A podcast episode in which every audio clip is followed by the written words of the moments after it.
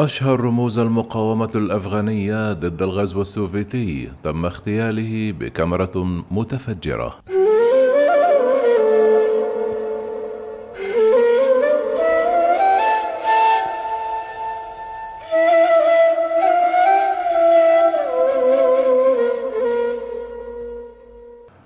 يصنف أحمد شاه مسعود كواحد من أشهر رموز المقاومة الأفغانية ضد الغزو السوفيتي بالقرن الماضي كما برز الأخير خلال التسعينيات بأحد أشهر معارضي وخصوم حركة طالبان التي هيمنت على أفغانستان وأعلنتها إمارة إسلامية ما بين عامي 1996 وعام 2001 وقبل يومين فقط من أحداث الحادي عشر من أيلول سبتمبر من عام 2001 تعرض لعملية اغتيال قادها تنظيم القاعدة بمباركة حركة طالبان أودت بحياته وأنهت مسيرته في مقاومة سلطة الملا عمر ولد أحمد شاه مسعود يوم الثاني من أيلول سبتمبر من عام 1953 بمدينة بازارك بولاية بنجشير لعائلة من أصول طاجيكية حيث كان والده دوست محمد خان كولونيلا بالجيش الأفغاني وعمه عبد الرازق خان ضابطا بالاستخبارات وقد انتقلت عائلة مسعود نحو كل من هيرات وكابل حيث ترعرع الأخير بأجواء سياسية مشحونة تميزت بصعود التيار الشيوعي بالبلاد.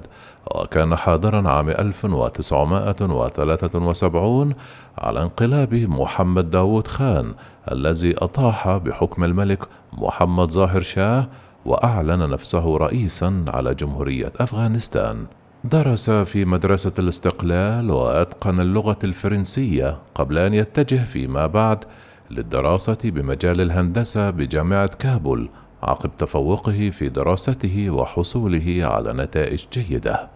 أثناء مسيرته تعلم العديد من اللغات فكان قادرا على التكلم بالدرية والفرنسية والبشتية والأردية كما طالع العديد من الكتب لكل من الزعيم الصيني ماو تسي تونغ والثائر الأرجنتيني أرنستو تشي جيفارا. أما خلال دراسته الجامعية في كابول فالتحق بالشباب المسلم الذي كان فرعا طلابيا في الجمعية الإسلامية بقيادة برهان الدين رباني وعام 1974 كسب الأخير لقب مسعود الذي اعتمده قاسم حركي عقب انخراطه بالمقاومة. مع بداية التدخل العسكري السوفيتي بأفغانستان تحول أحمد شاه مسعود لأحد أبرز وجوه ما عرف في حينه بالمجاهدين الأفغان وكسب لقب أسد بنجشير عقب تحصنه ومقاومته للسوفيت بوادي بنجشير مع نجاحه في طرد السوفيات وقع على اتفاق بشاور عام 1992 الذي أعاد السلام لعدد من مناطق أفغانستان ونظم جانبا من الحياة السياسية بها. بذلك حصل مسعود على منصب وزير الدفاع واتجه للقتال لسنوات للدفاع عن كابل التي عانت من هجمات كالبدين حكمتيار. كما اضطر أحمد شاه مسعود بداية عام 1995 للدفاع عن كابل ضد عناصر طالبان التي كسبت مكانة هامة بالبلاد وفرضت حصارا على العاصمة الأفغانية أسفر عن سقوط عشرات آلاف القتلى. مع تقدم طالبان أجبر أحمد شاه مسعود على الرحيل نحو طاجكستان ليصبح فيما بعد قائدا للتحالف الشمالي المعارض لحركة طالبان والذي هيمن بحلول العام 2000 على أكثر من 5% من مساحة أفغانستان. خلال عام 2001 زار أوروبا وطالب البرلمان الأوروبي بالضغط على دول الجوار لوقف دعم طالبان ونقل مزيد من المساعدات الإنسانية إلى أفغانستان. كما حذر من تنامي دور حركات إرهابية كتنظيم القاعدة وحذر من إمكانية قيامها بهجمات ضد أهداف بدول غربية. يوم التاسع من أيلول سبتمبر من عام 2001 أي قبل يومين فقط من أحداث الحادي عشر من أيلول سبتمبر تعرض أحمد شاه مسعود للاغتيال بولاية تخار شمال شرقي أفغانستان.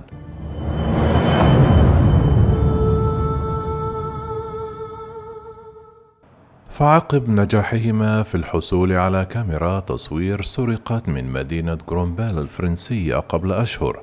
حل التونسيان رشيد بوراوي الواعر ودحمان عبد الستار المنتميان للقاعدة القاطنان ببروكسل في بلجيكا بأفغانستان اعتمادا على جوازات سفر بلجيكية مزورة. وانتحل صفة صحفيين مطالبين بإجراء لقاء صحفي مع أحمد شاه مسعود. وفي خدم هذا اللقاء أقدم التونسيان على تفجير قنابل كانت مخبأة داخل الكاميرا وحزام البطارية متسببين في إصابات بليغة لأحمد شاه مسعود الذي فارق الحياة عن عمر يناهز 48 عاما. أثناء نقله نحو أحد المستشفيات الهندية بطائرة هليكوبتر وقد أسفر التفجير عن مقتل رشيد برعاوي الواعر في عين المكان بينما أصيب دحمان عبد الستار الذي اعتقل وأعدم في وقت لاحق.